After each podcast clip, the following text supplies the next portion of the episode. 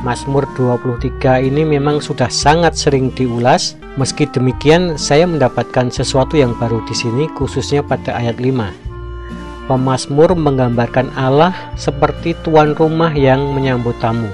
Menurut Mazmur ini, manusia adalah tamu yang datang ke rumah Allah. Orang Yahudi sangat menghormati tamu. Tuan rumah berusaha memenuhi kebutuhan tamu, Selain itu, seorang tuan rumah juga bertanggung jawab atas keselamatan tamunya.